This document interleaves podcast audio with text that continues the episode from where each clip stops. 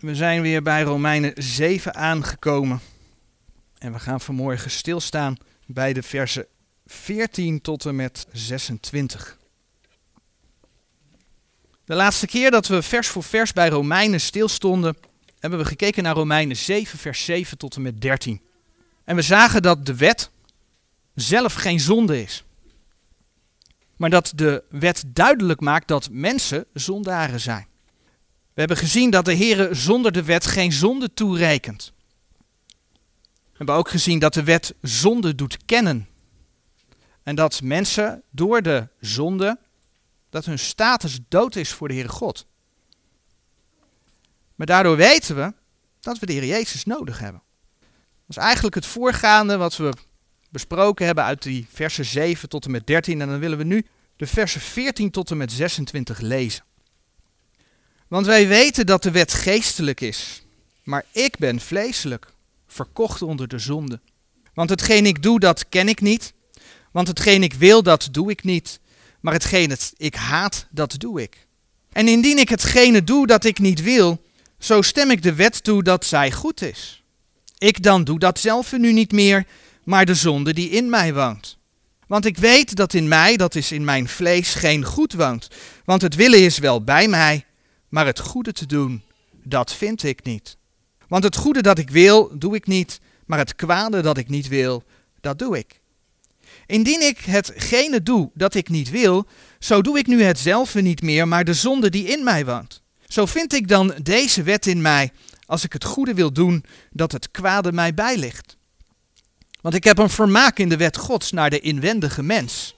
Maar ik zie een andere wet in mijn leden, welke strijdt tegen de wet mijns gemoeds en mij gevangen neemt onder de wet der zonde die in mijn leden is. Ik, ellendig mens, wie zal mij verlossen uit het lichaam deze doods? Ik dank God door Jezus Christus onze Heer. Zo dan, ik zelf dien wel met het gemoed de wet Gods, maar met het vlees de wet der zonde. Dit gedeelte heb ik nog wel eens aangehaald. En niet om dan maar te zeggen: oké, als ik het goede wil doen, ligt het kwade mij bij, dan blijven we maar bij de zonde. Want dat is niet de bedoeling. Als we in Romeinen 6 de eerste twee versen kijken, dan lezen we dat ook. Wat zullen wij dan zeggen? Zullen wij in de zonde blijven, opdat de genade te meerder worden? Dat zij verre. Wij die der zonde gestorven zijn, hoe zullen wij nog in dezelfde leven? Het is dus niet de bedoeling om bij die zonde te blijven. Maar dit gedeelte laat juist zien dat het wel een, een strijd is. We hebben een, als christenen, als wederom geboren christenen, hebben we een strijd te voeren. de boodschap neem Jezus aan en alles gaat u goed. Dat is een onbijbelse boodschap. Ja, het is geweldig om Jezus Christus te kennen. Dat is geweldig. Het is geweldig om te weten dat je zonden vergeven zijn. Het is geweldig dat je daardoor eeuwig leven hebt. Dat je een, een, een, een geweldig vooruitzicht hebt op, op, een, op een geweldige toekomst. Allemaal geweldig. Maar op het moment dat je Jezus Christus aanneemt, begint er wel in een strijd in je leven hier en nu. We hebben gezien, de vorige keer, dat staat in Romeinen 7, vers 12, dat de Heer zelfs in de brieven aan de gemeente laat zien dat de wet heilig en rechtvaardig en goed is. Het is heel makkelijk, je hoort dat vaak in evangelische kringen, dat, dat we niet onder de wet leven. Maar zelfs in de brieven aan de gemeente, dat is, deels is dat waar, maar zelfs tegen de gemeente wordt gezegd, de wet is heilig en rechtvaardig en goed. En hier lezen we dan in vers 14 dat de wet geestelijk is. En dan staat daarbij, maar ik ben vleeselijk. Ik ben vleeselijk verkocht onder de zonde. En dan is het goed te beseffen dat het dus de apostel Paulus is die dit van de Heer mag opschrijven. Degene die de opdracht had om naar de heidenen te gaan en hen het evangelie te verkondigen. Degene van wie we lezen in 1 Korinthe 11 vers 1 dat hij ons ja, grote voorbeeld is in Christus. Hè? Weest mijn navolgers, gelijkerwijs ook ik van Christus. Degene van wie we lezen in 2 Korinthe 11, vers 23 tot en met 28, dat hij heel veel geleden heeft. Heel veel geleden heeft onder het feit dat hij het evangelie verkondigde.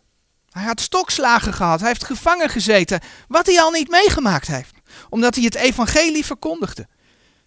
En hij schrijft dat hij vleeselijk is en dat hij verkocht is onder de zonde. Vers 14. En uit dit gedeelte blijkt dan ook dat ook Paulus regelmatig aan de zonde toegaf. Vers 15. Want hetgeen ik doe, dat ken ik niet, want hetgeen ik wil, dat doe ik niet. Maar hetgeen ik haat, er staat nogal wat, hetgeen ik haat, dat doe ik. Dat is in de tegenwoordige tijd geschreven, niet in de verleden tijd.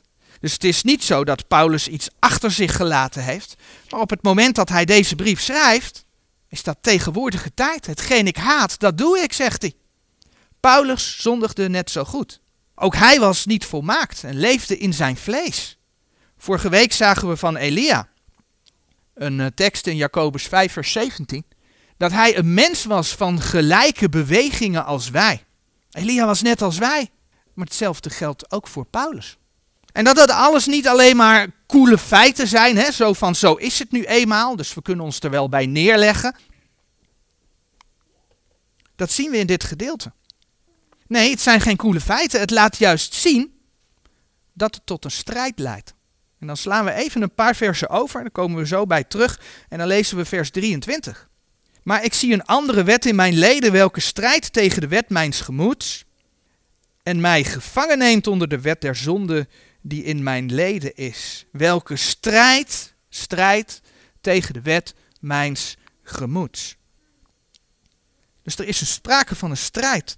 Paulus wil enerzijds niet zondigen, maar anderzijds zondigt hij wel. Waardoor hij in Romeinen 7 vers 24 uitroept, ik ellendig mens. Wie zal mij verlossen uit het lichaam deze doods? En die dubbelheid te ervaren, ja, dat leidt daar dus toe.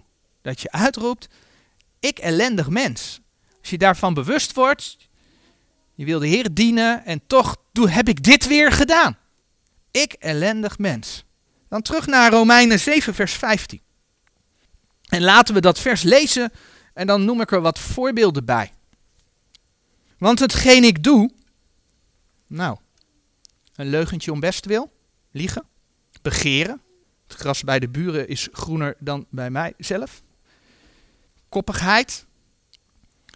Over anderen praten, roddelen. Want hetgeen ik doe, dat ken ik niet. Want hetgeen ik wil, nou, noem maar een aantal dingen. Bijbel lezen, bidden, getuigen van de Heer, dat doe ik niet. Maar hetgeen ik haat, dat doe ik. Hetgeen ik haat, dat doe ik. Jaloers zijn misschien wel. Roddelen over broeders en zusters. Boos zijn, trots zijn, lui zijn en noem maar werken van het vlees op. Komt het misschien bekend voor? Je wilt eigenlijk ochtends je Bijbel lezen, maar je wilt toch nog even dit of dat doen voordat je aan het werk moet. Of er is, uh, ik kan het me niet zo heel goed indenken, maar voor veel mensen is het wel een ding. Of er is sport op de televisie. Of je met druk met. En vul maar dingen in. En gauw denk je, ach weet je, ik lees het morgen wel. En de kans is groot dat er dan allerlei redenen zijn om het de volgende keer weer niet te doen. En zo kun je doorgaan. En datzelfde geldt voor bidden. Datzelfde geldt voor getuigen. Datzelfde geldt voor naar de samenkomst gaan. Noem maar op. Hetgeen voor de Here is, wordt vaak tegengewerkt.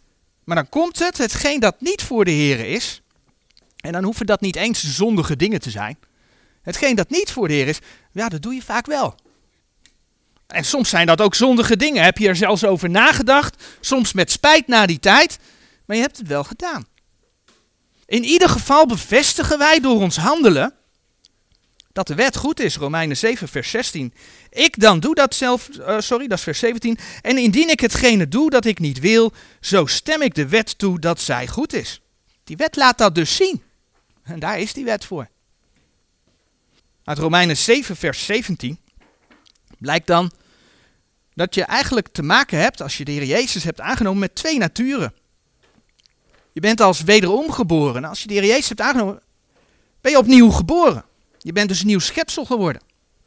In 2 Korinthe 5, vers 17 staat daar zo mooi over geschreven. 2 Korinthe 5, vers 17. Zo dan, indien iemand in Christus is, die is een nieuw schepsel. Het oude is voorbij gegaan, zie, het is alles nieuw geworden. Maar ondanks dat er staat, het oude is voorbij gegaan, wat voor de nieuwe mens zeker waar is, heb je hier op aarde nog steeds met die oude mens te maken. Het is gewoon een feit.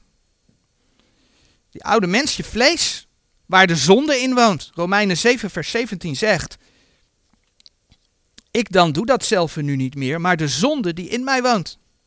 En als je dan vers 18 leest, dan zie je dat die zonde inderdaad in het vlees woont. Vers 18.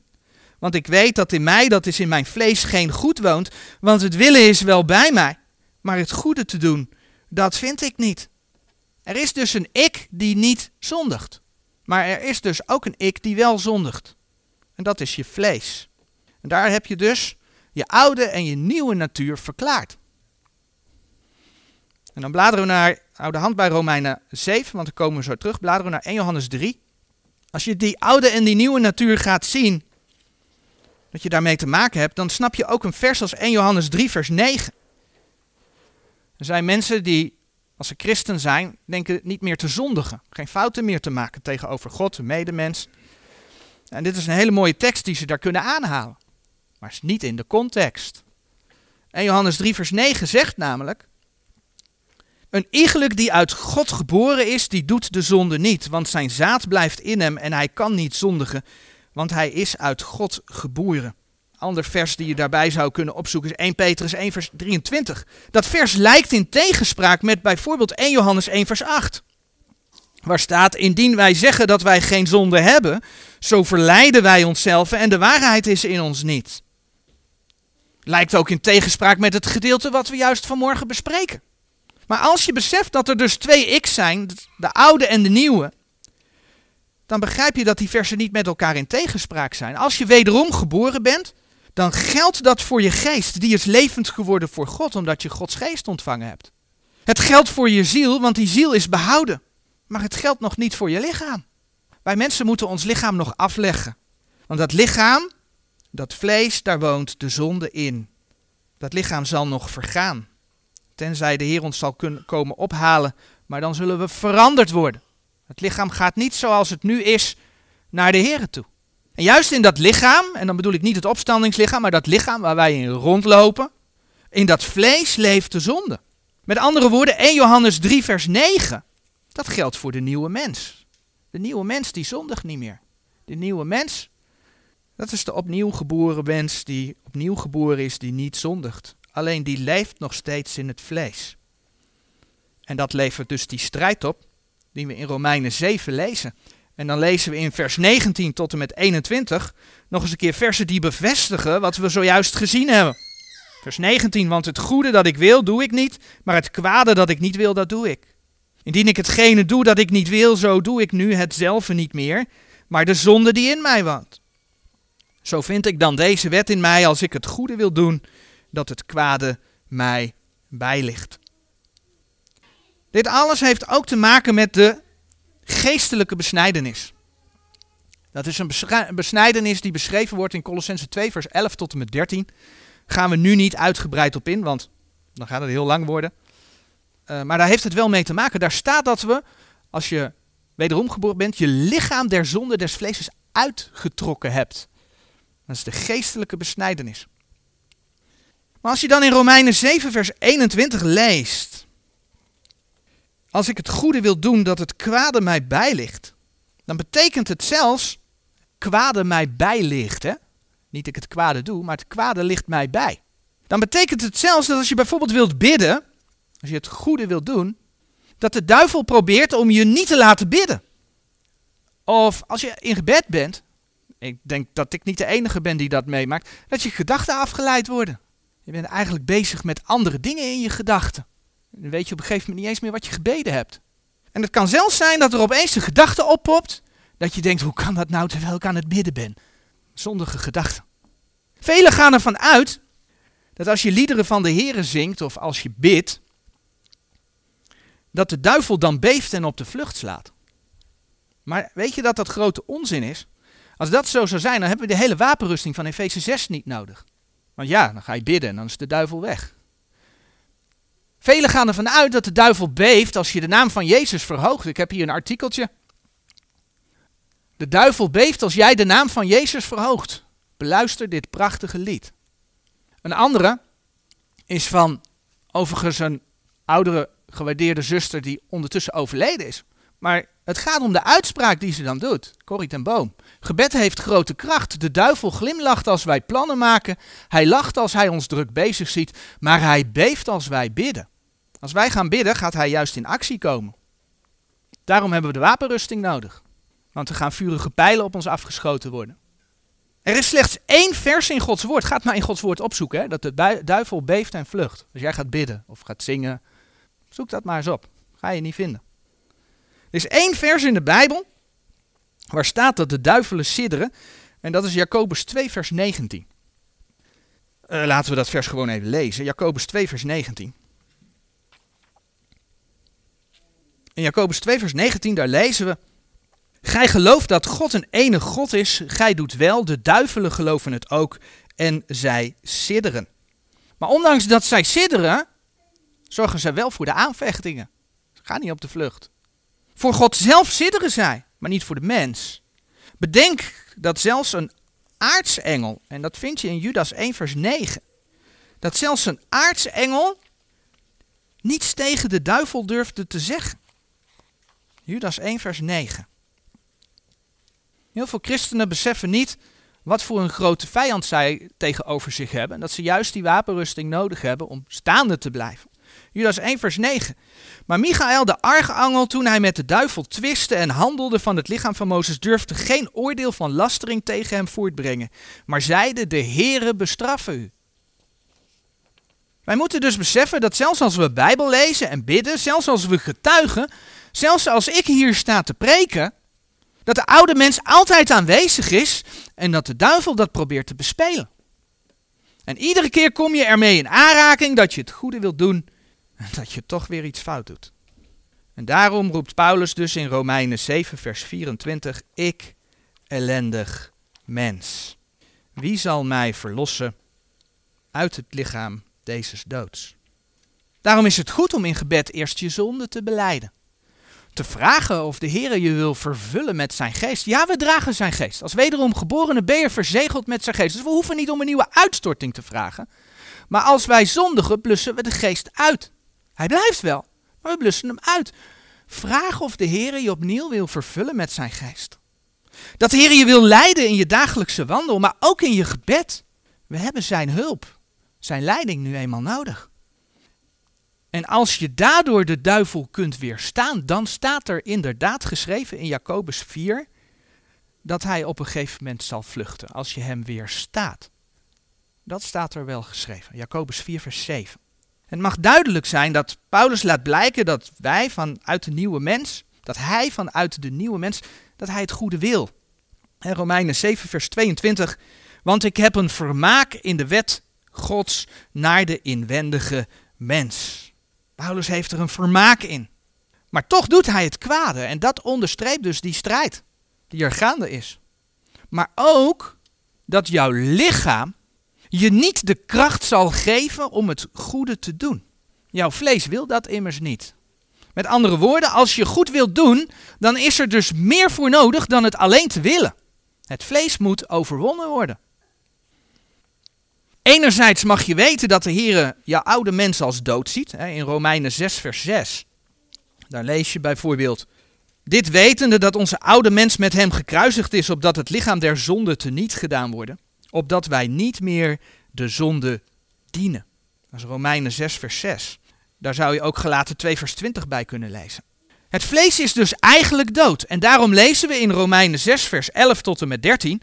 Alzo ook gij lieden houdt het daarvoor dat gij wel der zonde dood zijt, maar gode levend zijt in Christus Jezus onze Here, dat dan de zonde niet heersen in uw sterfelijk lichaam, om haar te gehoorzamen in de begeerlijkheden deszelfde lichaams, en stelt uw leden niet der zonde tot wapenen der ongerechtigheid, maar stelt uzelf goden als uit de doden levend geworden zijnde, en stelt uw leden goden tot wapenen der gerechtigheid. zien we daar een opdracht in.